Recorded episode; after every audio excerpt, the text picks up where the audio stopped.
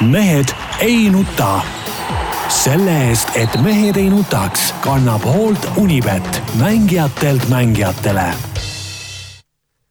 tere teisipäeva, nagu ikka, Mehed ei nuta eetris, Tarmo Paju Delfist. tervist! Peep Pahv Delfist ja Eesti Päevalehest. tervist! ja kähiseva häälega Jaan Martinson Delfist, Eesti Päevalehest ja igalt poolt mujalt.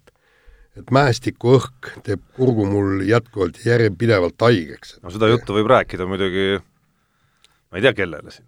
ei, miks? kuule, sa mõtle nüüd peaga. Prantsuse lähen... veinid. oh, veinid, jaa, kõik on õige, aga ega veini ei pane ju häält kähedaks. no ei tea midagi, ei tea midagi. külm õlu, jaa, sellega ma olen nõus, aga kas Prantsusmaale minna kas mitte konjak ei ole ka nagu ikkagi Prantsusmaa ei, no, teema? no ütleme niimoodi, et, et see konjak leevendas seda olukorda natukene. Et, et, et seda tõesti, aga, aga jah, et, et minna nüüd Prantsusmaale, hakata külma õlut jooma, noh, see oleks, see oleks noh, patt, ma ütleks. nii, mehed, on teil midagi südamel? tulegi praegu ette. ei, mul üks, üks on, on üldse poliitikas, poliitikud üldse töötavad ei, praegu? ei, muide, üks, üks asi mul tuli täna, täna ilmus uudis, et kohus määras Eesti valitsust vastu võtma otsuse, kas jätkatakse parvlaeva Estonia huku uurimist või mitte. ja lihtsalt valitsus täiesti külmalt ja lambist seda käsku ei täida, tähendab kohtuotsust ei täida. et siit ma ei ta..., see on see küsimus, kas seal on mingi, midagi varjata siis või? ei, küsimus pole ka Ma mitte, no see on põhiküsimus. no varjata, mitte varjata, aga mul on tõsine küsimus siit meie härra peaministrile. Et kas tähendab, nüüdsest peale ei pea ka riigi kodanikud kohtumäärust täitma? ei no nii kaua muidugi ei pea. nii, nii kaua nagu riik, riik teeb, loob pretsedendi, siis ei pea ka inimesed seda tegema, loomulikult. noh. jaa, ei absoluutselt ja, ja nüüd kõikidele tahakski siin öelda, et, et käitugem nii, nagu meie riigi valitsus meile eeskujuks annab ja näitab. palun ärge täitke enam seadusi, kohtunõudmisi, otsuseid, kõike. Te olete sellest vabastatud. no sa võid seda Brian proovida muidugi kohe, kui sa siit pärast saadet välja astud, vaata kaua, kaua, kaua, kaua sa kulgeda saad. no hakka kõiki reegleid rikkuma, tähendab. no jaa, aga no põhimõtteliselt sunni, sunnimeetoditega pannakse sind äh, õigel ajal ikka üle tee minema. ei, aga no alles meil üks kolleeg sai eelmisel nädalal punase, punase tule eest üle kõndimise eest, siis sai väikse trahvi, kakskümmend eurot. trahvi selle eest või mm? -hmm. aga kui sa, ja mis ta ütles ennast, hakkasid politseiga rääkima, oleks minema jalutanud. Mis nad võtavad jalakäija load ära tal siis, kui ta ei, kui, kui, kui ei maksa või ei allu seda korraldustele või? ma arvan, et panevad pokri sind. mille eest? kui sa jalutad ära, ilma et nad lubaksid sul ära jalutada. kuule, kui jalakäija teeb Ei. trahvi, see on absurd täielik. no tehti, nii oli. ja maksis ära ka või? no seda ma ei küsinud, aga kindlasti ta maksab. täielik rumalus see on. Ma tahaks näha väga, kuidas sina seda lahendad. ma oleks saadud kuu peale, et mingi püüdke pätte, mitte ärge mängige no idiooti. see, sina oledki ju see pätt. mis pätt? see, et ma lähen punase tulega üle tee, kui ühtki autot ei sõida või? ja, ja kusjuures muide äh, minu ma olen alati, nurgad politseile teadmises, ma olen alati punase tulega üle, üle tee, kui ühtki autot ei tule. mis, ma seisan siis? ja kusjuures ma tahaks ka, tahaks ka seda öelda, sealsamas äh, äh, Tartu maantee ülekäigu rajal, kus äh, see purjus, noh, ta oli narkouimas autojuht, rammis seal see oli paar aastat tagasi? paar aastat tagasi ja, ja kusjuures minu maja inimesi eh, oli ka paar tükki, kes no vend viidi haiglasse, tal olid ikka tõsised si- seljavigastused, üks vana, vanem härra ja ta ütles selle peale, et ta ei julge enam rohelise tulega üle minna. ta lähebki ainult punasega. ta läheb punase tulega siis, kui autosid ei ole, No siis ta õige, teab, et ei juhtu mitte midagi. no väga õige, noh, nii ongi. noh. aga no see näitab veel kord Eesti politsei taset muidugi, noh, mingi naljavennad. No aga eelarvet on vaja täita ju. Leidsid kurjategijat. aga jah, alguse juurde tagasi tulles, ega ma ka ei mõista väga, miks, kuida-, kuidas see nagu punni taga kinni on, see uurimise asi, et et kuidagi nagu märke siis, kui oli Estonia huku aastapäev ja, ja nagu ajendeid oli piisavalt, et seda, et seda asja nagu avada ikkagi mingil määral uuesti, jääb väga segaseks. ja, ja, ja tekitab ainult kahtlusi juurde. ja see on algusest peale segane olnud. jah, eks me oleme kõik näinud mingeid dokfilme ja lugenud mingeid äh, raamatuid või asju sellest, mis seal tegelikult siis ikka nii-öelda tegelikult toimus, eks ole. no just. nii, aga paneme spordiga nüüd edasi. Teie teate sellest kõigest paremini, mina lugesin ainult uudist, aga, aga Rene Saakna ja Regina Oja said laskesuusatamise MK-etapil paaristeate sõidus teise koha ja, ja jube kõvasti oli seal hurraad ja, ja aplausi ja kõik oli väga vinge ja, ja kuigi meil on selle kohta ka üks, üks kiri tulnud, et noh, meil oli sellest ka eile toimetuses jutus, ega mina, Jaan, ei tea sellest su sugugi rohkem kui sina näiteks. Tarmo on mees ainuke, kes nädalavahetuse spordisündmustega vahetult ilmselt kursis olnud, ta on midagi vaadanud ka, mina ei ole no õige, Peep oli ju, mitte midagi näinud. Peep käis ja. ju ka reisil ikkagi. ja, ja, ja ausalt öeldes jah, ma nägin ka uudisest seda ja lihtsalt natuke korraldasin seal, kellele helistada ja nii edasi, aga aga jah, no see, eks see, nii nagu siin kirjas on öeldud, noh, et eks see kohe on näha, et see see paaris teade, segapaaris teade ongi selline ala, kus Eestil on nagu variant, sellepärast et seal MK-etappidel äh, maailma parimad ei, ei ole osalenud. jaa, aga selles aga see muidugi ei pisenda seda ei no aplodeerimist väärib see igal juhul.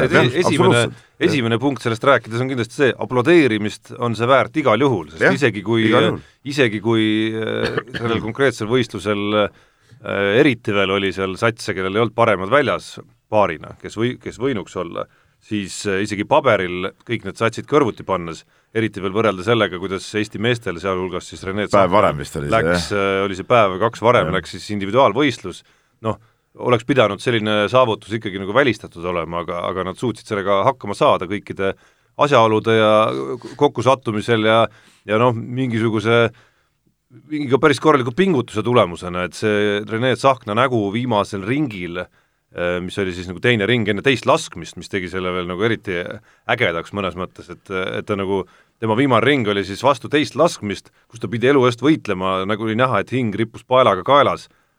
Ja see ei olnud nagu finišieelne ring, vaid laskmiseelne ring ja kuidagi õnnestus tal need märgid ka pärast maha saada.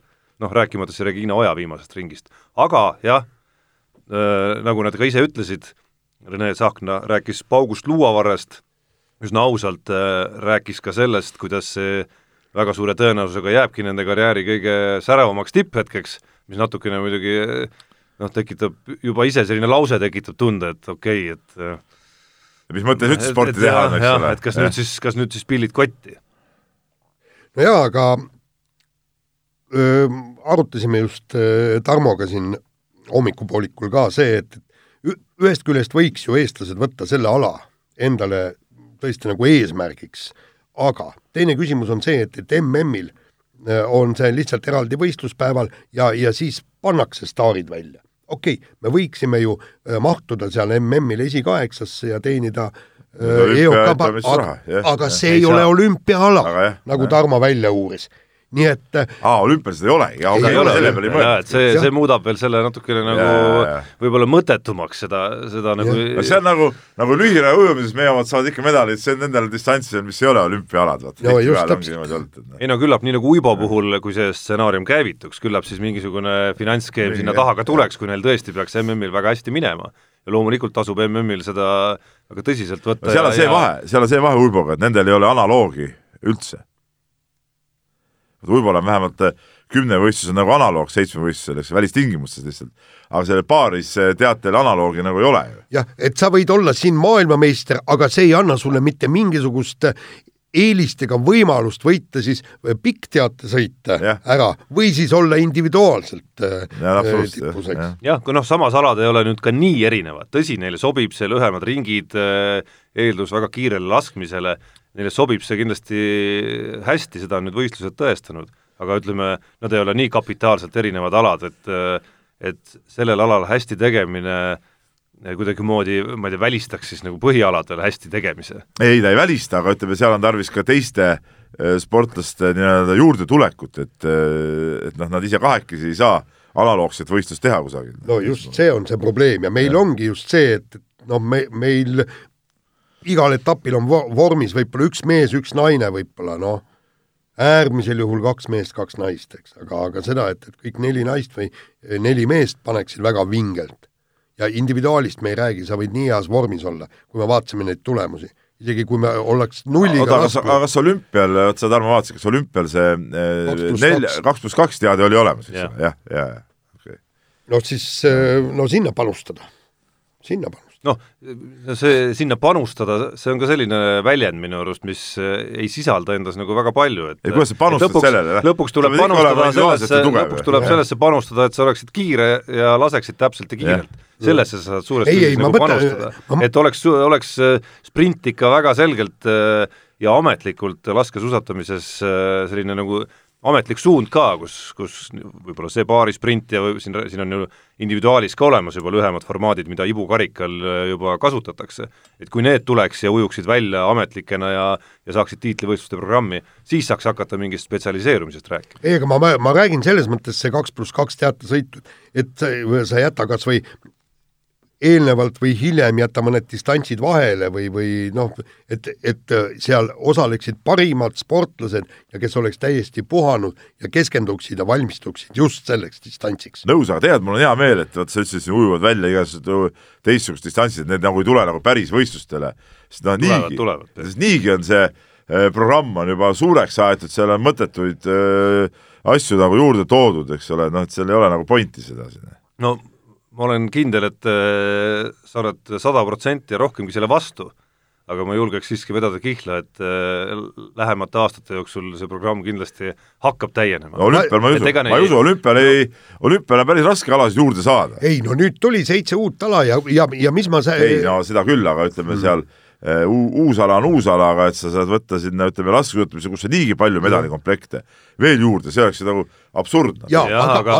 Ühed ja samad sportlased võistlevad. jaa, kui sa kahekümne aasta perspektiivis, kas sa julgeksid võtta vastu kihlveo ette äh, näiteks äh, seesama individuaalne sprint ei ole tulnud äh, kahekümne kilomeetri distantsi asemele?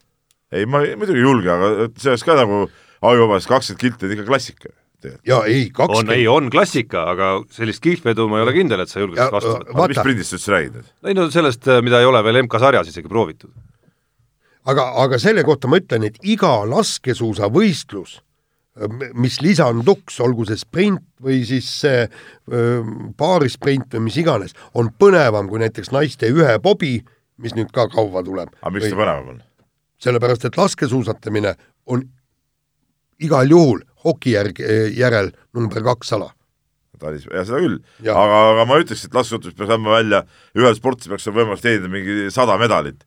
Bobi on ka väga Ei, põnev ala, Bobi on muuseas väga põnev ala, suured kiirused, ja Öö, aga no ma, tehniline. ma, jaa, ei, ma, ma räägin ühepobist, aga milleks ühe Bobi on muidugi Jah. kummaline asi. ja, ja, ja tei-, see on nagu sama, mis ühe kelk Jah. juba, Ja- lihtsalt sul on plastikut rohkem ümber. ja aga, aga teine asi on ju see, et, et külili kelgutamine on veel puudu. jaa, ei, aga ma, ma räägin, kelgutamist saab selline ei vaata, kõhuli ja nägu ees, selili ja nägu taga, aga nüüd siis kõhuli ja nägu taga ja, ja ja, jalad ees, vot see. ja külili oleks ka mõnus. ja, ja külili pare, oleks hea. paremal küljel kelgutamine ja, ja vasakul. vaata vanasti Põlvili, selle jah. salvapanniga ikka põlvili alla lastud, eks ole. no püsti saab ka kindlasti teha veel versiooni, kõvemad mehed mäletad, sai püsti ikka ka alla tulla. jah, jah, eriti kui oli veel äh, kuskil aga püsti see on juba nagu see uiskudega see, mis on see, Jaa, mis just. see ala nimi on, kus tulevad hokivarustusest tulevad alla mööda renni, tead noh. kusjuures see on väga atraktiivne, vaadata. ei no see on jah, aga see on totrus. nii, nii, vahetame teemat äh, ja läheme järgmise meie nädalavahetuse ja mitte ainult nädalavahetuse suure sündmuse juurde, ehk siis Anett Kontaveit jõudis oma karjääris uue tähiseni, Australian Openil avanes veerandfinaali uks ja ööl vastu homset. ootab siis veerandfinaal Simona Halepiga ees. Ütleme, et, et see, seda nüüd äh, viimast mängu ei näinud, eelmist mängu nägin, see oli Benchitsi vastu, eks ju. Seal. polnud vaadatagi midagi.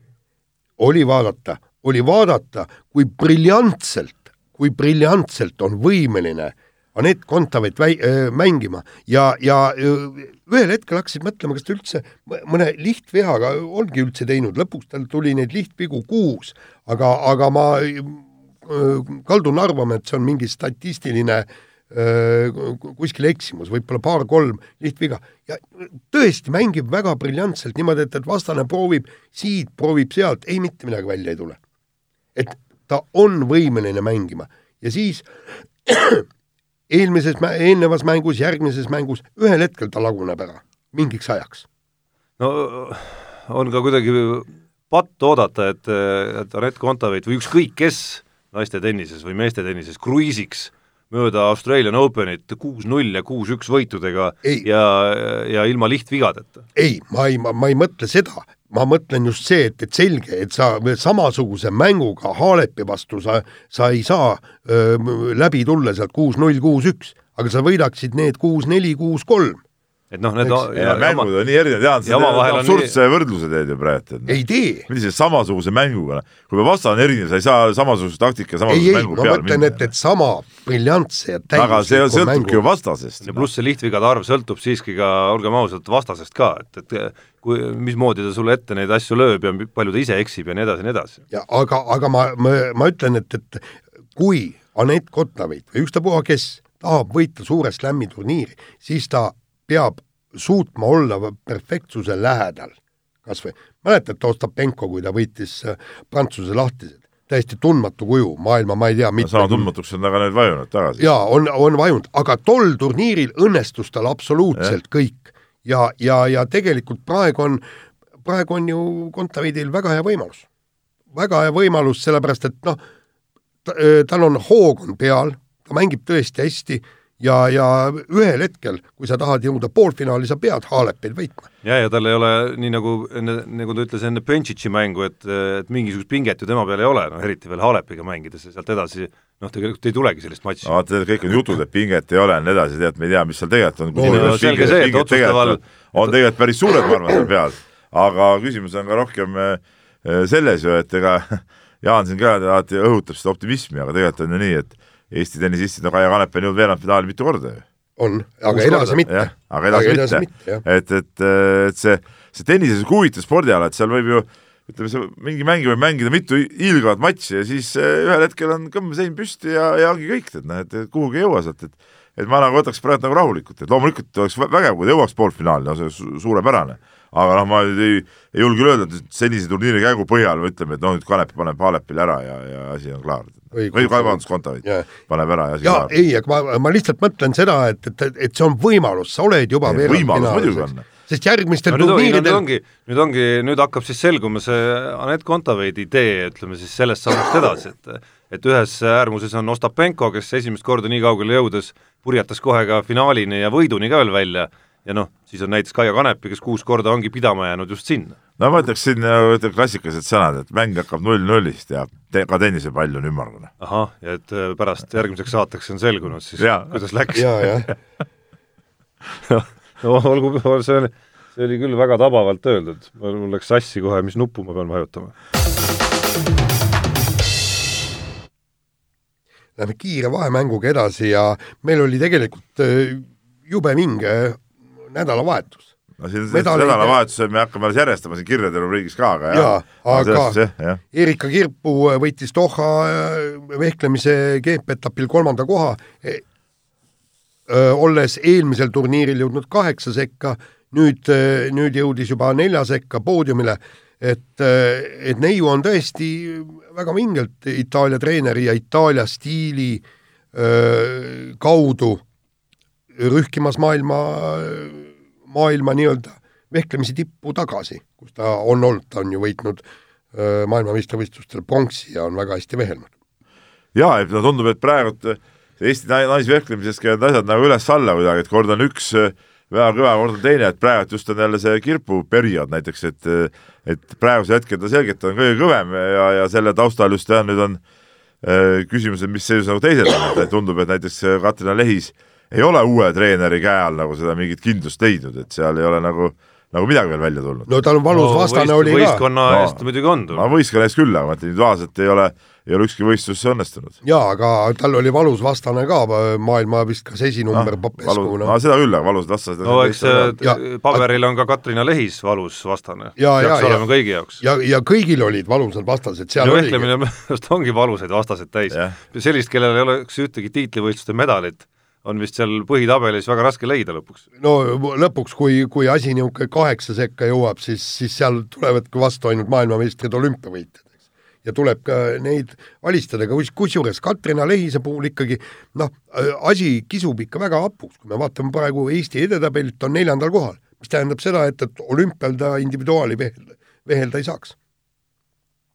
no,. Nii et äh, neiu peab pingutama ja kõvasti. No. seal nagu mingeid eh, erandeid teha oleks nagu ime. ei, ei seal, seal on välistatud. Kuule sa, sa ei saa võtta vehklejat, reeglid, kui reeglid ütlevad, ja, ja, et sa saad minna ja proovida individuaalset olümpiamedalit, sa ei saa seda võimalust ära ja võtta.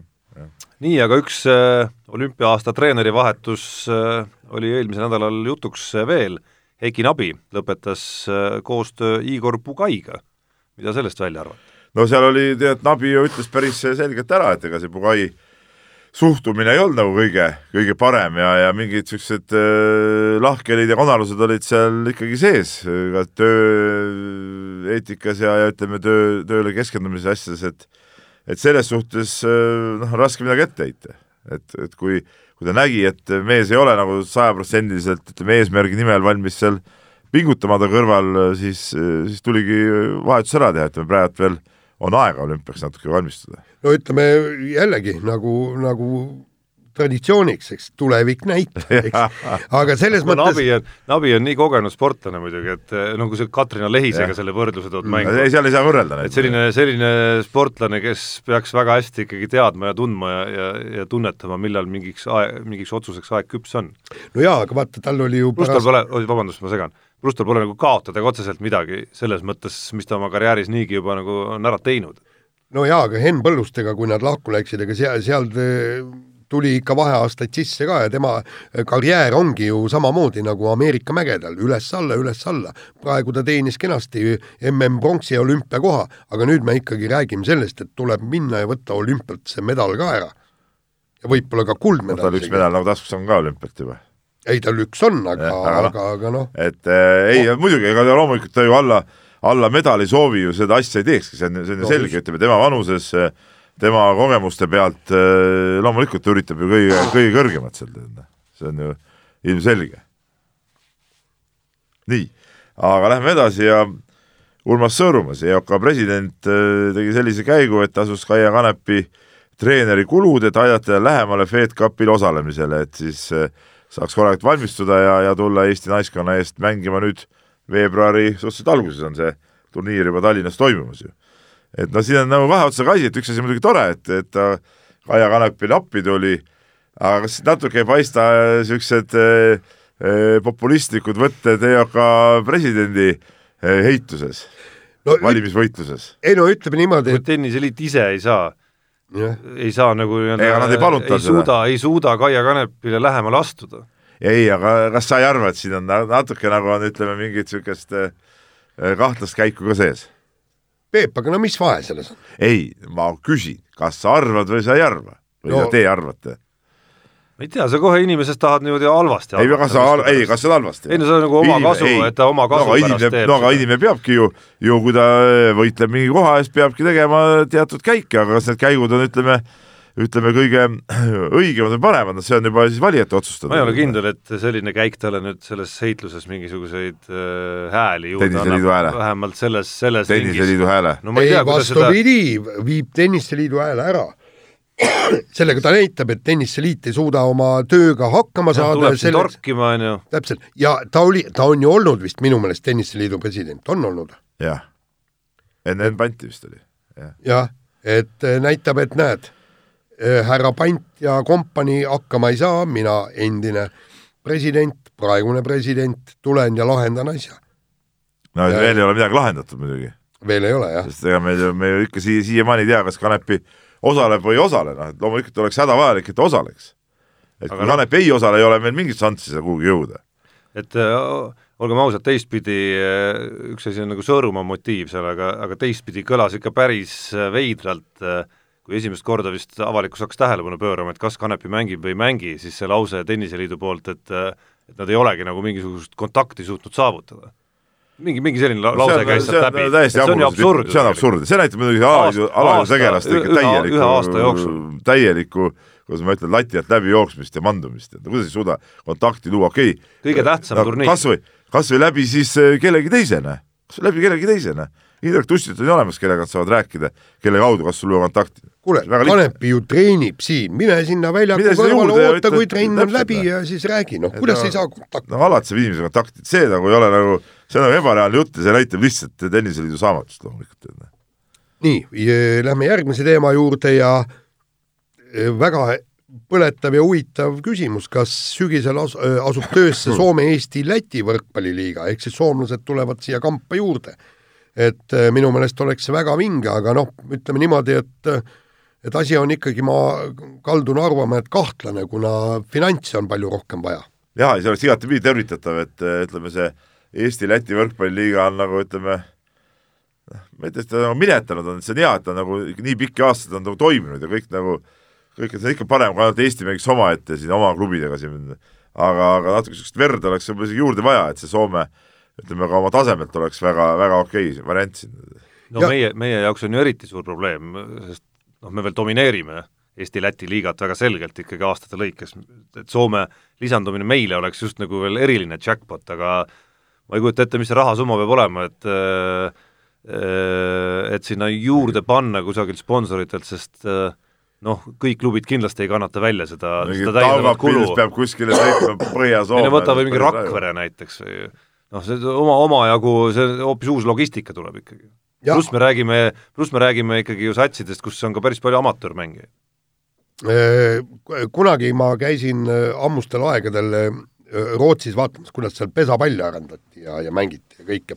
ja seal oli väga huvitav, seal oli põhjas, täiesti üleval põhjas, oli vist kas üks või kaks võistkonda. ja, ja, ja neil oli jube kallis sinna alla, alla sõita, eks, et noh, nemad pidid kas bussiga umbes kaks päeva loksuma või, või lennukiga lendama. ja siis oligi niimoodi, et, et kõik, kõik teised klubid aitasid neil neid reisikulusid kompenseerida et, et, et see on nagu üks lahendus, eks me, sellepärast et ütleme, et Soomes on ju ka seal üleval Põhja-Soomes on klubid, eks. Et kelle, kelle juurde tuleb mängima see aga me ei räägi siin ühest klubist, ma arvan, kes, kes antud juhul vajaks mingisugust äh, turgutust. jaa, aga see on mitmed klubid ja siin, siin tuleks ka, tuleks ka mõelda näiteks tõesti võib-olla seal selle asemel, et, et sõita sinna põhja ühe mängu pärast siis mängid kaks mängu äh, seal üleval kodus ära ja, ja kodus selle võistkonnaga ei mängi. ja nüüd äh, ma ütlen vahele, et, et äh, kui keegi vaatas ülekannet ja mõtles, mis see Pahv siin selle telefoniga mängib, siis mul tekkis nagu mingi, mingi tunne, et kas ma olen nüüd Udu või, või on Tarmo Udu ja ja ikkagi tundub, et, et ikka mul oli õigus, et Rakvere ei mängi ikkagi seda liigat see hooaeg ah jaa, muidugi. jaa, ja Rakvere mängi. ja, ja, ja kuna sa ütlesid, siis ma mõtlesin, et tuleb saate ajal selgeks kohe teha, et, kuidas see asi on. aga noh, see selleks sa mõtle, kui lätlastel nende kõige kaugematel ei, ma mõtlen, see on mingid Taugapilsed ja Jäkapilsed ja kes siis jah, ja, ja, ja nad peaksid nüüd Põhja-Soome lendama. Jäkapils näiteks muuseas on kõva sats ka kolmandal kohal praegu. Et, et, et jaa, eks see on keeruline muidugi. Sest aga, aga ikkagi kõike saab lahendada, no kokkuvõttes need ei ole nagu nii pikad eh,, nii pikad ja keerulised eh, sõidud. no mis see on siis, no bussiga Tallinnast, laevaga üle, bussiga edasi, no mis teha. ja panedki, nii nagu sa ütlesid, noh, lähedki nädalavahetusel, paned kaks mängu Soomes, noh, tuled tagasi, noh, nii ongi, noh et see Nii. on nagu igatpidi okei okay.. aga kiire vahemängu lõpetuseks üks karmim uudis äh, ja, ja see, mis raputamas paar päeva kogu spordimaailma, Kobe Bryant hukkus kopteriõnnetuses koos oma tütre ja ja päris mitme inimesega veel. ja täitsa võib-olla küsimus, mida püsti panna siin meie arutelus, on see, et, et mis temast siis pärandina maha jäi üks, mida, üks, mida mina siin äh, nende päevade jooksul hästi palju tajusin, on kuidagi see, kuidas ta on olnud ikkagi noh, me oleme kõik natuke, natuke vanemad, kasvasime üles, kes Magic Johnsoni, kes Michael Jordani, kes Tammiste ja ja, ja kes selliste kujudega, et aga see plejaad mängijaid, kes praegu mängib korvpalli, vanus mingisugune noh, viisteist kuni kolmkümmend viis, ütleme ümmarguselt, selles on uskumatu hulk just neid, kes on, kes on just Kobe Bryantit vaadanud kui iidolit. ma kujutan ette, et sinu, Peep, sinu satsideski Jäi, on, oligi... on number üks, number üks, kellele on üles vaadatud lapsena üles kasvanud. ma, ma tahtsingi just kirjeldada seda, et, et me tulime Itaaliast turniirilt tagasi ja jõudsime suts enne südaööd Tallinnasse ja ja, ja kui seal telefonid sisse pandi ja see uudis nagu tuli, et siis nagu oli kohe näha, et see nagu, kuidas see nagu poistele mõjus ja ja, ja ütleme, pärast Tallinnast kodu poole sõites oli ikkagi suhteliselt nagu vaikus, et, et seal nagu äh, ja, ja, ja see uudis ma näen ka oma, oma poisi pealt, et kuidas see avaldas igal juhul nagu sügavat, sügavat mõju, no, no väga, väga kole lugu muidugi, noh, väga kole lugu ja ja no tegemist oli muidugi ikkagi noh, et ta ik ikooniline mängija ikkagi, noh. no samas, samas ma ütleksin seda, et, et on tõesti kole lugu ja kõik, aga, aga võib-olla mitte just selle Kobe Bryanti koha pealt. tema sai teha oma suurepärase karjääri ära, tema elas väga ilusa korvpalluri elu ära ta, ta suutis neli väga toredat tütart valmis saada ja neid kasvatada ja kõik. tema oli siia maailmale juba kõik andnud tema no,, tema jah, elu aga, aga väike, üks tütar, üks tütar on üheaastane ja, ja ei, ütleme, kui, ta... kui minu meelest see, see, kuhu sa hakkad juttu viima, teeb selle minu arust nagu veel karmimaks, eriti nagu lapsevanemana. ja, ja et veel suhteliselt karmim... värske lapsevanemana, okei okay,, veel karmim on see loomulikult nendele, kes maha jäävad. veelgi karmim on see, et äh, hukkusid tema, tema tütar ja need, kellel oli elu elamata veel. lihtsalt ja. üks, mida ma, mida eile sai loetud päris palju, Äh, üks selline nagu nii-öelda hüvasti jätu lugude motiiv seisnes ikkagi selles, mismoodi Kobe Bryant pärast oma korvpallurikarjääri äh, ennast oma perekonnale pühendas ja oma lastele pühendas, kuidas ta hakkas ära jätma süsteemselt mingisuguseid äh, nii-öelda kohustuslikke üritusi ja kas või Lakersi mängudel käimisi, eelistades äh, nagu põhimõtteliselt äh, oma laste mingeid üritusi, oma laste mingeid tegemisi, oma akadeemiaga seotud asju ja see põhjendus sealjuures oligi alati see, et sportlaskarjääri jooksul kõik see isiklik elu tuli lükata ju ta-, tagaplaanile, sest noh, see mees oli ikkagi nagu ütleme, räme tööloom niimoodi naturaalselt väljendudes, siis, siis nüüd oli see aeg, kus ta hakkas seda kõike nagu tasa tegema. Et seda karmimana kõlab see, eriti lapsevanemana, see, see fakt, et see kõik jäi nüüd katki. jah, aga tema õnn oli see, et ta suutis maailmale nii palju anda. ei, seda kindlasti, jah Unibetis saab tasuta vaadata aastas enam kui viiekümne tuhande mängu otseülekannet. seda isegi mobiilis ja tahvelarvutis. Unibet, mängijatelt mängijatele.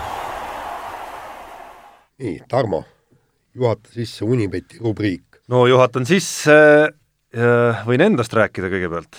no räägi. Äh, kõigepealt kaotasin ühe panuse, äh, hästi rumal panus oli jälle, puudutas Kalevi viimast VTB mängu aga siis võtsin selle kõik tasa ühe panusega, mis puudutas autorallit ja millest me rääkisime ka siin eelmisel nädalal, selle panuse tegemise ajendiks kusjuures oli Peebu tehtud kuuenda käigu podcast, kus Urmo Aava rääkis sellest, kuidas tema ei usu Andre Adamo juttu sellest, et Neville'il ei ole esimestel rallidel Tänaku ees mingit eelist. ehk siis ma läksin ikkagi panustama Neville'i peale nagu võitluses Tänaku vastu üks koma üheksakümmend viis oli seal äh, Neville'i koefitsient, millega siis äh, õnnetul kombel küll meie jaoks, me ei oleks kunagi teada saanud, mismoodi see duell oleks lõppenud, kui Ott oleks rajale jäänud, aga aga, aga lõppkokkuvõttes olen täpselt algpunktis kolmesaja euro juures tagasi, õigemini viiskümmend senti vist miinuses. ehk siis äh, ütleme, las Urmo Aava maksab välja? ei, miks? tänu Urmo Aavale ma just sain, ma pean Uuvale, Aavale ise välja tegema. aa, sa said, aa okei okay,, okei okay., ma saan valesti aru ja, ja, ja, ja ei no põhim-, põhimõtteliselt no tagasihoidlik panus, mina panin see, selle peale, et, et Neuvill võidab selle ralli ja loomulikult ta võitiski, no see oli ju selge, selge, eks, et tema on ainsana äh, tuntud autoga rajal, Ožeer väristab, noh, Ott Tänak äh, me ei tea, mis sealt oleks tulnud, eks, ja, ja see, see oli nagu lapselt kommiraha äh, äravõtmine, et mul on nüüd kolmsada kümme eurot ilusasti arvel, nii et juhid või, või Peep üllatab millegagi? ei, kas ma pean avaldama oma neid asju? ei pea ei üllata. üks käsku ei ole, üks käsku pole olnud. üllatust ei ole, nii, aga uue nädala eripanus, Mehed ei nuta eripanus on Unibetis hetkel äh, kenasti üleval Unibeti pakkumiste all ja see puudutab Anett Kontaveiti, ehk siis äh, seda, kui kaugele tema turniir Australian Openil siis äh, kulgeb, see, et jääb veerandfinaali pidama, selle koefitsient on üks koma nelikümmend seitse, et võidab Halepit ja siis jääb poolfinaali pidama, on neli koma null et jõuab finaali, on kümme ja et võidab ära selle turniiri, on kaheksateist. Pole paha. paned kogu summa kolmsada, kolmsada kümme eurot kaheksateistkümnega korrutada. Tarmo tegi. sinu, Jaan, Jaan, sinu, sinu optimismi juures ma arvan, et tuleb ära teha. tuleb ära teha, jah. Pääsu pole. nii, aga kirjad? nii, ja kirjad, kirju on tõepoolest palju ja ja hakkame kohe pihta, meie teadlane Priidik vana hea kirjasaatja tegi meile sellise, ütleme, kuidas ma ütlen, ülesande andis meile, et äh, ta kirjutas nii, et eelmisel nädalal oli juttu erinevate spordialade nii-öelda kaalust ja kaalukusest ja küsib, et kuidas reastavad saatejuhid selles kontekstis nädalavahetuse sündmused tähtsuse järjekorras. et siin on siis äh,, toob ära ka enda top viie, et laskesuusa hõbe äh,, Eva-Lotta Kiibuse seitsmes koht EM-il, Kontaveidi edasijõudmine, Kelly Sildaru kuldmedalid ja Erika Kirpu pronks on tema viisik. no mina paneks Kontaveidi esimeseks, Kiibuse teiseks ja noh, sealt võib-olla Sildaru järgmiseks või, või laskesuusa järgmiseks istuks Sildaru ja ja, ja Erika Kirpu siis jääks viimaseks, sest see oli ikkagi MK-etapp kõigest.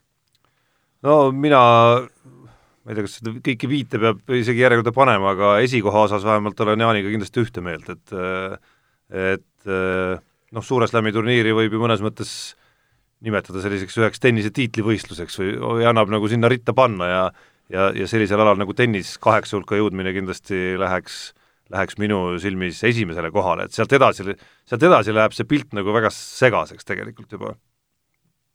seal on, seal on nagu emotsiooni otsused minu arust, et võib-olla paneks selle emotsiooni pealt selle laskesuusa järgmiseks ja ja siis, siis kõik on suht sarnases potis juba edasi no mina ise ühtki võistlust eh, niimoodi otsepildis ei näinud ka, noh, sarnaselt Jaanile. muidugi kõik jätsid nagu ralli välja, kas ralli ei olnudki tähtis või siin on nagu võitude jaa, see on vist võitude ralli ei pakkunud nagu Eestile ühtegi edu elamust. tähtsuse järjekorras, tähtsuse järjekorras, aga no okei okay., eh, paneme siis need edukad alad, et eh, et äh, jah, ütleme siin ongi nagu, ongi väga keeruline valida, aga, ega ma nagu ei, no see Kontaveit jah, edasijõudmine ilmselt on kõige, kõige ma ütlen, kaalukam nagu maailma mõistes Äh, siis edasi emotsiooni pealt on äh, see... kiibuse seitsmes koht minu jaoks väga oluline, kuna kuna mingist vanast sellest äh, harjumusest ma ikkagi ilusutamist olen jälginud, mis nagu ma tean, paljudele see ala ei paku nagu midagi, aga ütleme, tegemist on ikkagi ka nagu maailma mõistes suhteliselt olulise alaga tegelikult.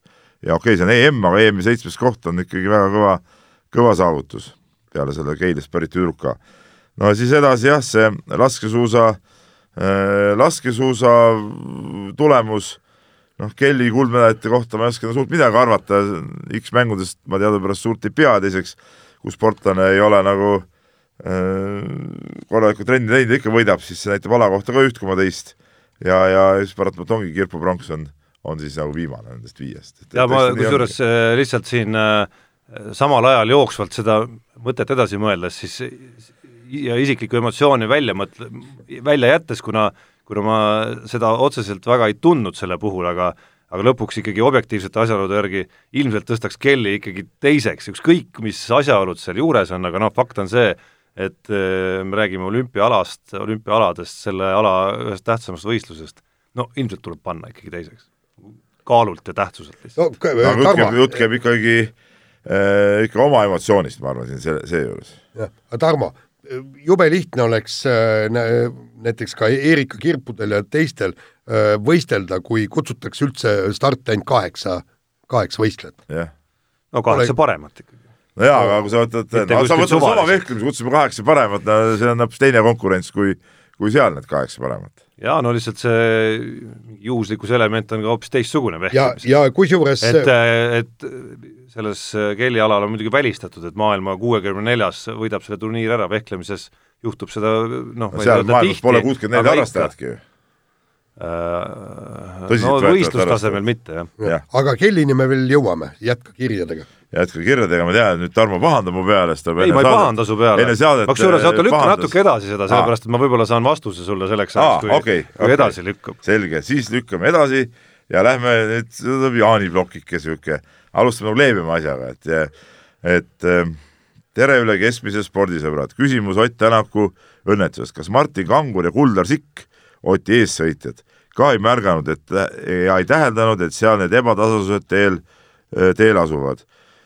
nagu nägime, Oti, Ott sõitis pea kakskümmend kilomeetrit tunnis kiiremini sinna kurvi. mis te arvate ja kas Martinson uuris seda Kanguri käest? küsis Marko, uurisid? ei, põhimõtteliselt ei uurinud, sellepärast et ma ei tulnud isegi punkt üks selle peale, aga punkt kaks on ka see, et ma, ma ei usu, et Kanguri ja Kuldar Siku ülesanne on öö, legendi midagi muuta, nende asi on ära öelda, kuidas on teeolud muutunud. ja, ja, ja noh, ilmselt, ilmselt nad vaatasid, võib-olla seal tundus kahtlane et, et, et sinna kurvi minnes ja kui tee on natukene künklik, eks, et, et see kiirus oli märgitud liiga suureks võib-olla, mis oli kas viies, viiene või kuuene kurv, eks. aga no ma ei kujuta ette, kui ta iga kord oma arvamust nagu hakkaks niimoodi avaldama täiesti tavalise asfaltilõigu kohta. ja ma arvan ka, et see küsimus rohkem ikka jah, sellest tee, teeoludes kui sellises, et, et, et nii, nii need päris ei käi nii, aga nüüd on siis ütleme Martinsoni ühesõnaga personaal legendi analüüs ei kuulu nende üles ei, otseselt mitte, minu arust küll mitte, jah. on on see legend neil käes? jaa, legend on käes, selle põhjal nad sõidavadki ja, ja Jah. seda teevad küll neid eh, parandusi seal ütlevadki, et mis, aga küsimus rohkem selles, et kas tee on jääs, on vahepeal lund sadanud, teeolud on muutunud, aga mitte niisugust üldne, ega see kühmut sinna siis ei tekkinud, eks ole. nii, aga nüüd on see, et äh, vaene Jaan on saanud siin nädala lõpus, tunnistan ausalt, olen natuke jälginud sotsiaalmeediat, on saanud päris suurt kriitikat ja on tulnud selle kohta ka kiri. Ja, ja, ja, ja kiri on siis järgmine, et et Marek kirjutab, et mul ei ole Jaan Martinsoni vastu isiklikult midagi ja ta on absoluutselt suurepärane spordiajakirjanik, aga erinevates sotsiaalmeedia ralligruppides pälvis ta väga suurt negatiivset tähelepanu oma intervjuu, intervjuuga Otiga, kus ta küsis, mis tunne selles rulluvas ja üle katuse käivas autos olla oli. Marek leiab, et see on äärmiselt ebaõnnestunud küsimus ja üsna jabur. ja seda näitas ka Ott oma vastusega et see pole professionaalne. kuidas teie seda kommenteerite, kas Jaanil tuleks hoolikamat ettevalmistada intervjuud ja vältida selliseid absurdseid olukordi? ja no ütleme, sel teemal oli, oli veel äh, juttu, kuna ma ise jälgin ka seda ralli äh,, ralligruppi seal Facebookis, Rallirahvas või mis ta iganes ta nimi on, siis sealt äh, tuli ka mõnest kohast välja, aga, aga Jaan, mis sa ise arvad sellest? tead, hakkasin ka äh, seda kirja lugedes selle peale mõtlema, no kuulge, kuidas te jätate äh, niisuguse küsimuse küsimata? ma mõtlen just seda, et, et kui teil endal väga hea tuttav teeb läbi täpselt sama, mida te- tegi Ott Tänak, mida teie tema käest küsite? Teile, teie, teil oleks täitsa pohhui. Teid ei huvitaks, et kuidas on öö, kihutada autos ja rulluda ja, ja mis seal on ja täna lugesin öö, Martin Järveoja, kes kirjeldas, et sada G-d oli olnud sees öö, mingisugusel ajal het- hetkel. tuleb meelde, kuidas Karl Kruda rääkis öö, Õhtulehe TV-s, kuidas on olla pöörlevas ralliautos, kirjeldas seda, see on täpselt nagu need pesumasina trumlis. tuleb meelde kaks tuhat kümme, kui Urja katsel pani Mikko Irvanen, pani, pani ikka jõuliselt välja ja kui ta pärast seda intervjuud rääkis, et autos olles ta ei saanud aru, et, et kuidas on võimalik, et auto rullub mäest üles et ütles, et, et ma, ma, ma olin nii sassis omadega, et, et ma ei saanudki aru, et me panime tegelikult mingi sada viiskümmend kilomeetrit tunnis, panime sealt teelt välja. ja siis, kuidas ta kirjeldas, kui ta autost välja tuli, ta ei mäletanud üldse mitte midagi, ta ei saanudki aru, et miks ta siin seisab. ja siis ta oli oma endise esisõitjaga, kes oli seal kohapeal, olid juttu ajanud ja kõik nii, eks viidi haiglasse, aga tema ei mäletanud isegi seda jutuajamist. et ta kirjeldas väga täpselt, mis, mis tunne tegelikult on ja mis toimub inimesega pärast seda, kui ta niisuguse avarii teeb. Jari-Mati Latvala on ju sellest rääkinud, mäletan öö, see öö, Thierry Neville, kui Tšiilis pani no ma olin ja- ise juures seal, kui ta rääkis seda. no just no., ja siis, kui ta, kui ta ütles, et kui ta tuli ja kõige õudsem asi oli see, et, et jalg on verine ja ta kutsus ise kiiresti kiirabi, ta ei teadnud, kui suured tal vigastused on, eks. Ja siis, kui ta ütles, et siis oli kergendus, kui oli ainult paar õmblust vaja teha, eks.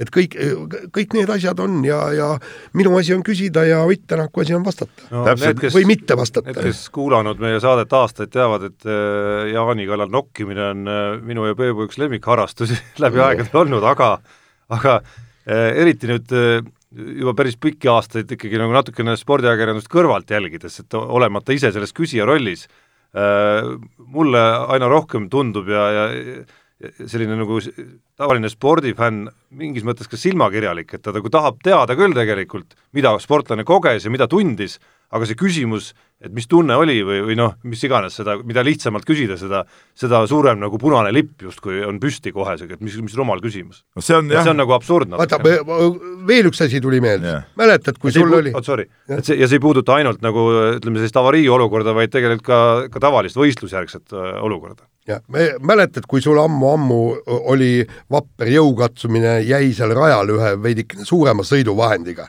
jah, ja, ja mida me sult küsisime, kuidas on istuda autos, mis libiseb öö, ütleme avariisse ja sa ei saa seal mitte kui No midagi muidugi, sees teha no see, see Jah. ongi, kuidas, mida inimene see tunneb, see on see, et, et mida me ei tahaks iialgi kogeda. ei no see hetk, just ja, see ma kujutan hetk, ette see hetk, kus sa näed, et rong tuleb Jah. ja põrkab sul vastu. ei ma ütlengi, no aga see ongi ju tegelikult, ütleme meie asi ongi ju ütleme ka sportlase käest see, ega ta ise ei tule ja hakka rääkima, et nüüd öö, tere, tere, et me paneme mikrofoni siia, palun räägi nüüd, et noh, siis ta räägib kõik ära, ei ole nii ju. et meie asi ongi ju küsida. Jah, ja küsida, küsida, küsida ja, ja minu arust ka see eh, no mul, ma Tarmo rääkisin ka seda, kuidas ma seal nagu isegi nagu kihvatas, kui ma lugesin seda ja ja näpud sügelesid sinna sotsiaalmeediasse kirjutama, et et minu arust see on nagu rumaluse tipp, mis seal aetakse, tead noh, et, et küsimus selle tunde kohta on absoluutselt vältimatu küsimus ja seda tuleks igal juhul küsida, et, et kui seda jätad selle küsimata, siis Jaan, kui sa poleks seda küsimust küsinud, siis sa saad mu käest riielda, ma arvan lihtsalt, et noh, et see on nagu, see on nagu selge ja, ja ja, ja nüüd on jah, sportlase enda asi, kas ta kirjeldab seda või mitte, aga mida ma olen muuseas tähele pannud, mida aeg edasi võib-olla, seda kidakeelsemalt äh, uuemad, uuema aja sportlased ka seletavad igasuguseid niisuguseid detaile, no nii nagu me Jaansuga rääkisime telefonis seal ka, et olid ajad, kui Erki Nool läks äh, põlveoperatsioonile ja sina, Jaan, vist olid, olidki see mees, kes kes äh, käis operatsioonisaalis, Erki lubas operatsioonisaali kaasa, operatsiooni ajal said teha intervjuud, mis tunne umbes on, kui sul põlve lõigatakse samal ajal, eks No ole. ja absoluutselt, Artroskoopilist lõikust tehakse. vot, vot see on nagu, sa no, inimesel, inimestel on huvi siukeste asjade Erki Noolest, jaa, no Erki Nool oli muidugi nähtus omaette No no Erki aga- Nool käis ka nii tiitlivõistlustel kui ka Kötsise kümnevõistlusel, no mis tema jaoks oli ka poolenisti nagu tiitlivõistlus, arvestades, kui vähe kümnevõistlusi aastas tehti, käiski pressitribüünil, käiski pressitribüünil ikkagi ju lahti seletamas oma asju, tal võis olla natukene muidugi endal ka seda vajadust äh, rääkidagi need asjad Jah. kuidagi nagu välja, aga see, see on nagu üks nüanss, mida Kobe Bryant äh, mida Kobe Bryanti puhul tõsteti väga kõvasti nagu esile, just see, mismoodi ta oma, oma kõike seda nägemust ja oma sellist äh, arusaamist korvpallist ja, ja oma arengut ja ja, ja, ja kõike seda suutis siis nagu avalikkuse jaoks nagu lahti mõtestada. see on see, mille eest teda väga palju noh, väga palju ajakirjanikke on ka, kes on kirjutanud oma järelehüüdeid ja natukene ka telgitagustest. Et see on see, ma arvan, üks väga suuri põhjusi, miks ta, miks ta nüüd nii hirmsasti inimestele on ka hinge läinud. ja eh, ma ei tea, kas see, see, sa olid juba siis Õhtulehes, vaata, kui me, kui meil olid ka need õppetunnid, loengud toimusid ja kui meile seletati, et, et kuidas, kuidas kirjeldada valu just äh, spordiajakirjanikele, et see, et, et kui sportlane midagi kas katki läheb või midagi murrab, et ei, mul oli väga valus, et ütles, see ei tohi, ajakirjanik ei tohi sellega piirduda. ja siis äh, tulebki juurde, milline see valu oli ja noh, ütleme, kui mul jalad alla all see äh, kõõlus katki läks, siis mina kirjeldaksin seda, et see oli nagu plahvatus, see oli, see oli, see oli jõuline plahvatus ja mul oli tunne, et keegi on kas mul tulistanud talla alla või siis visanud hästi suure kiviga väga jõuliselt. Et, et öö, hoobilt vajusin nagu põlve peale ja siis see öö, meeletult terav valu hakkas vaikselt tuimemaks minema, tuksuma, tuksuma ja vot niisugust kirjeldust No tegelikult jah. öö, peaks, peaks tulema. et mitte lihtsalt, et mul oli väga valus. Öeldi, et no niisugune ajakirjandus ei kõlba kuhugi, tuleb kirjeldada, sportlane peab kirjeldama seda valu. nii, aga lähme edasi, kirju on siin veel ja, ja küsib eh, meie käest Kalev sellist asja, et eh, küsimus eh, meeste korvpallikoondise kohta, et praegu mängib koondis keskmiselt kaks mängu aastas ja kas te ei arva, kas teie arvates võiks olla ka korvpallis juures mõni selline liiga, nagu on võrkpallis või jalgpallis, kas kuldliiga, rahvuste liiga või võiks taastada Balti mere turniiri? no eh, tegelikult muidugi võiks olla rohkem mänge, et vaadates just kõiki teisi pallimängu spordialasid, siis korvpall on nagu mingis imelikus seisus küll, kus mängitakse nagu, nagu koondise tasemel ikka väga vähe. Väga vähe ja, ja mingi asi võiks kindlasti olla, kas või sellepärast, et eh, okei okay,, kui kõik äh, alati kõik ütleme, vanad mehed ei taha koondisse tulla seal äh, mängida kas su suveperioodil näiteks või ütleme siis niimoodi hooajavälisel perioodil, siis natuke nooremate meeste jaoks, nendel oleks see väga, väga oluline, väga okei okay asi minu arust. igal juhul peaks olema võiks, aga mulle tundub ka korvpall kõige keerukam ala, kus seda praktikas kuidagi siis nagu ellu viia, et, et vaadates, kuidas siin isegi ametlikke koondise aknaid ei suudeta selliseid teha, et äh, et sul klubidest äh,, Euroliiga klubidest siis eelkõige mehe, mehed tuldud saaks, et et siis näib kuidagi ebareaalne, pluss seal on see NBA nüanss veel sees, et äh, näib kuidagi ebareaalne, et see praktikas suudetaks kuidagi need satsid kokku saada. aga see näitab ikkagi seda rahvusvahelise alaliidu saamatust, no totaalset, totaalset saamatust. näitab, aga väga raske on ka konkreetset ja head soovitust anda, et kuidas see nagu ära lahendada, sest kogu selles vaidluses ei ole nad ammu enam, need vead on tehtud kunagi varem juba ja noh, nüüd nad ei ole enam jõupositsioonil. nojah, kõik see, et, et eh, oi, suvel ei tohi mängida, kuidas võrkpallurid saavad suve otsa mängida praktiliselt, noh? kuidas saavad võrkpallurid kogu aeg suve No otsa just. mängida oma liigasid?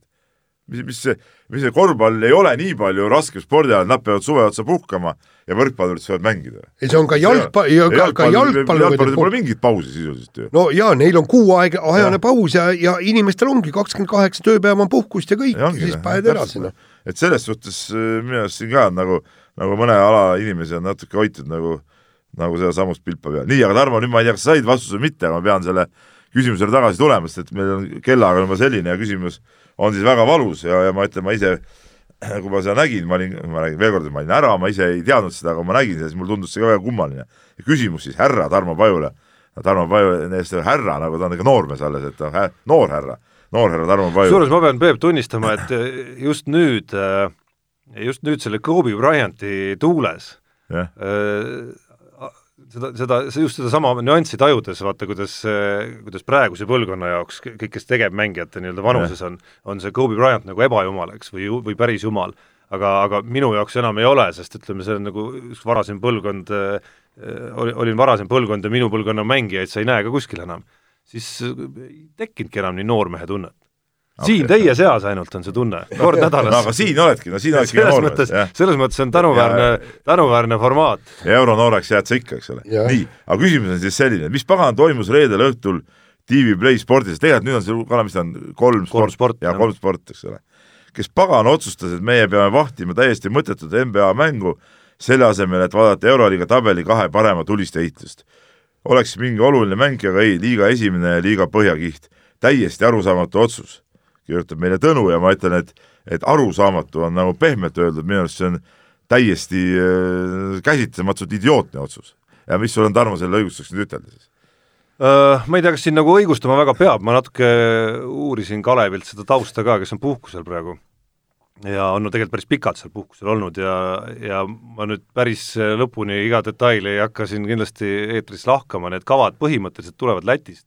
ehk siis nagu peakontor asub Lätis, kus neid tehakse ja ja ma arvan, et siin ei ole ühtegi asjaosalist, kes, kellel on seal nagu nii-öelda sõnaõigust, kes arvab tagantjärele, et see kuidagi nagu hästi läks, et et kindlasti siin mingid kommunikatsioonivead on asja juures, et see esialgne kava selliseks ka jäi. no minu arust on selge see, et kui see, okei okay,, see NBA trügis sinna kanalisse kuidagi, noh vahest võib-olla tõesti on pühapäeva õhtul ma isegi ei mäleta, kuna, kuna ma ka ise võtsin tol õhtul nii-öelda vaba õhtu äh,, siis äh,, siis ma isegi ei mäleta, et mis see NBA mäng seal oli. ei, ei mina ka ei tea, sest pole olnud aimugi aga ma ütlen veel kord, et kui see NBA trügis sinna kanalisse, no ja, ja las ta olla, eks ole, meil on mingid fännid olemas, kes viitsivad öösiti üleval istuda, vaadaku, aga peaks olema kuld äh, see, Euroliiga õhtutel NBA-ga kanalit ei saasta. et see on nagu hilisem, see on õine värk ja see on õine värk ja nii peaks olema. et Euroliiga on meie jaoks number üks, number no. kaks ja number kolm ja siis tuleb muu. no ma nii mustvalge ei oleks, aga, aga, aga küsimus on, mis noh, antud juhul on väga selge, mis mängust jutt oli. jaa, aga no mängust ja, ja teine asi ikkagi see, et meie liiga on Euroliiga. nii ongi äh,. Ütleme nii äh,, nagu korvpallifännina, kommentaatorina, kellena iganes igati nõus. noh, ütleme kanali juhina kindlasti on see pilt mitmetahulisem. nojah, aga noh, nii on, nii nii, kas kütame edasi? kuule, kütame edasi, kell on juba omajagu ja vaata, mis meil, meil on siin päris mitu asja veel rääkida. nii, Kelly Sildaru võitis siis äh, X äh,, X-mängudel kaks äh, kuldmedalit äh,, sai ühe neljanda koha ja nagu selgub, et võtad lõdvalt või paned trenni või mingit vahet ei ole, kullad tulevad, isegi rohkem kuldasid, ennem e eelmised korrad ta ju seal selles rennisõidus vist kulda ei saanud, oli mingi hõbe või mis, mis ta vähemalt kahte kulda ta pole varem saanud. aga mul ongi see küsimus, Jaan no.. sa nagu ka seda ala nagu natuke jälginud või ma ei tea. kas rennisõidutrenni üldse keegi maailmas teeb või? no Kelly no, ei no, ole igal juhul no, suurt teinud. ma saan aru, et seal, seal oli veel neid, kes nagu pole eriti rennis nagu harjutanud, et et see on nagu, see ongi niisugune ala, et noh, trenni ei peagi tegema, et noh, teed sutt-sutt. ei, aga sa sa, ei, aga vaata, teine küsimus on ju see, et, et sa jõuad ühele tasemele ja sealt rohkem, rohkem ei olegi vaja. see ongi nagu, see natuke jäi selline natuke jäi selline mulje, nüüd me oleme muidugi, eriti Peebuga muidugi kohas, kus, kus kus me ei lase ennast segada faktist, et me asjast midagi ei jaga, aga no nii palju, nii palju on asjad nüüd selgeks teinud, et noh, muu maailm edasi läinud ei olnud kummalgi alal tegelikult. ei, ega ei ole. kõik need kahekordsed saltod, millest räägiti ja umbes, et kui, kui Kelly nüüd neid ära ei õpi kiiresti, et siis maailm läheb mööda, seda kõike ei ole juhtunud kahe aastaga. ja no põhimõtteliselt no, nad aga... proovisid oma kahekordseid ja siis ja olid käpuli, jah et no jaa, et, et, et natuke see mulje lõpuks oli selline, et et ongi nagu mingi ühiskondlik kokkulepe seal, et ärme keegi liiga palju arene ja noh, et oleks nagu ärme eriti trenni ka tee. oleks chillim, vaata, et siis oleme kõik nagu noh, nii nagu läheksid komandeeringusse, näiteks Jaan läheks ralli komandeeringusse ja siis kõik ajakirjanikud eri väljaannetest lepivad kokku, et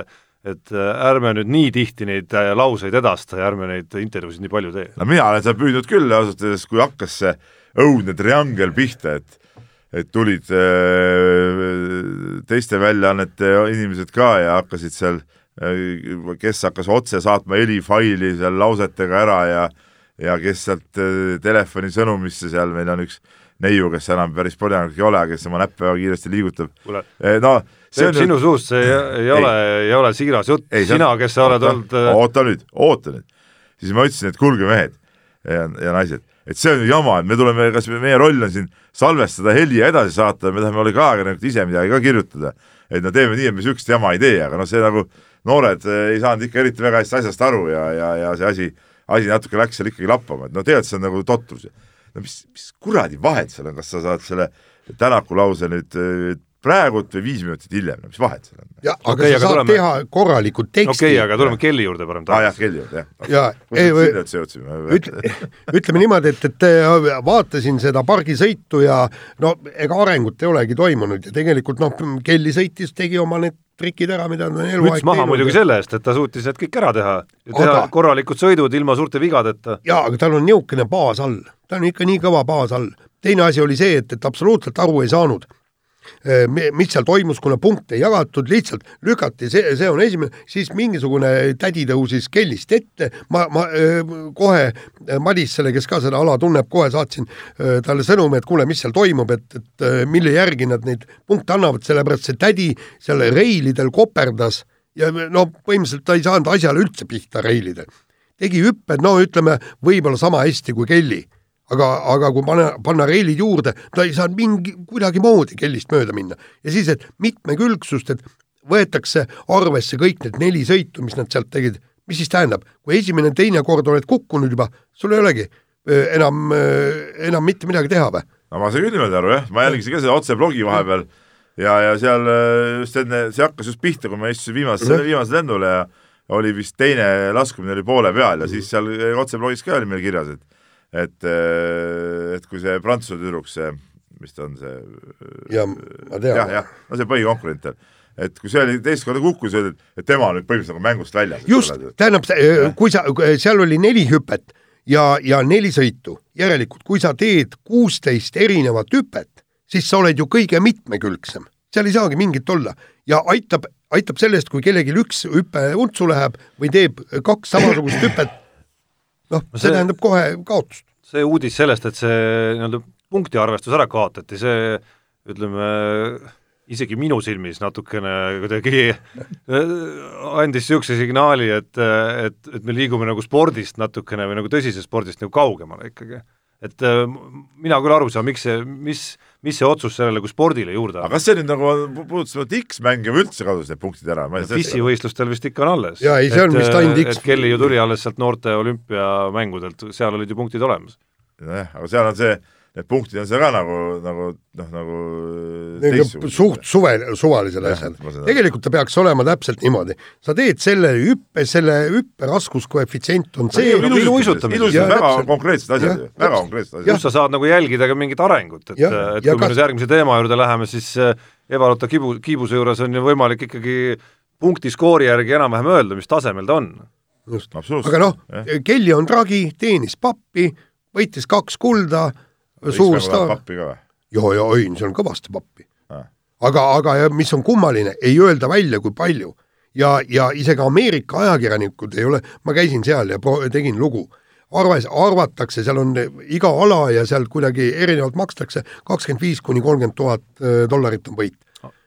üks, üks, üks tõsisem kõrvalteema, me siin läheme selle Vaadake ala kella. olemuse, ala olemuse juurde, et äh, ma saan aru, kell jookseb siin üleliia, aga see natukene, ma loodan, siin lähipäevadel tõuseb teemana rohkem ka üles, äh, pärit siis äh, intervjuust meie enda lehes tema Kelly Sildaru mänedžeriga, kus ta siis pani Suusaliidule korralikult puid alla ikkagi.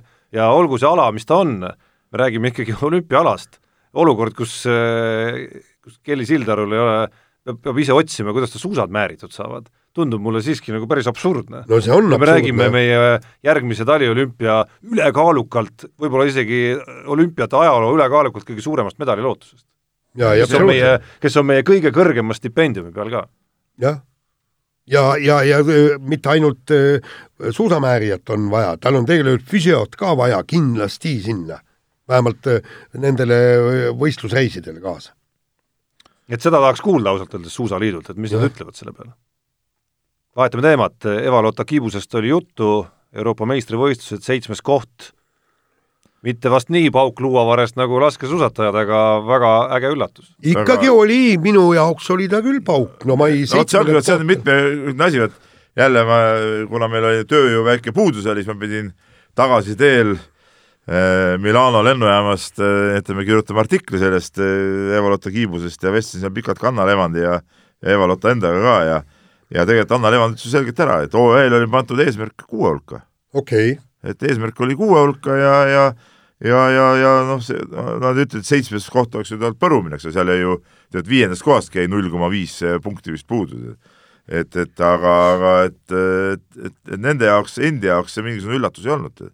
ja, ja nüüd äh, Eva Lott ütles ka, et, et noh, nüüd järgmised eesmärgid on ikkagi noh, kõigepealt MM nüüd, noh, MMM-iks sinna ei jõua ju uut kava otseselt äh, teha, aga, aga mm, neljakordsed hüpped, et siis võib ikkagi rääkida ka juba ju medalikonkurentsist.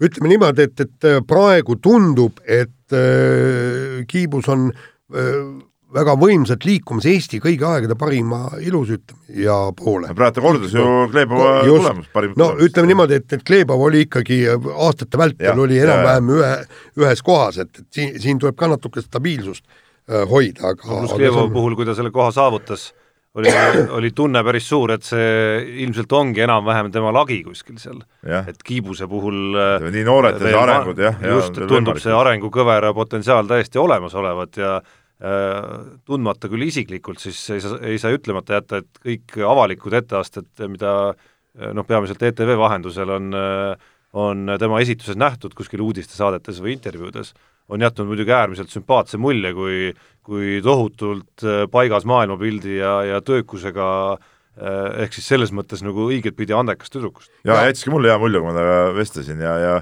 ja muidugi hea meel, et tal on Anna Levandiga treeneriks, kes on ütleme kes on ka selline korralik maksimalist. kes on ikka täielik maksimalist, jah. jaa, aga, aga, aga nüüd eh, siit kindlasti vihje Eesti Olümpiakomiteele, tippspordikomisjonile ja Team Estoniale et kas Eva Lotat ei oleks vaja nüüd võtta ikkagi äh, nii-öelda palga pea või ei, no, toetuse no, peale. loomulikult peab iluuisutamise Euroopa seistus peab olema äh, korralikult toetatud, siin ei saa mingit juttugi olla ju. et siin tuleb need igast need äh, muud äh, kvalifikatsioonid kõrvale jätta, et see on äh, noh, see on, see ei ole, see ei ole mingi ninaga muna veeretamine, see on ikka nagu päris ala. ja seal on vaja, et ta saaks korralikud kavad, maailma parimatelt kavade ei, tal on väga hea koreograaf, seda esi just, aga, aga kõik ja. see vajab raha, ta peab ja. saama välislaagrites käia, treenerite juures öö, harjutamas ja kõik nii, et tema programm oleks täielikult. absoluutselt, sest seal on võimalik ikkagi ka olümpia perspektiivis saada ikkagi väga kõrge koht. ja, ja isegi no tõesti, nagu sa räägid, neljakordsed hüpped tulevad, siis hakkab vaikselt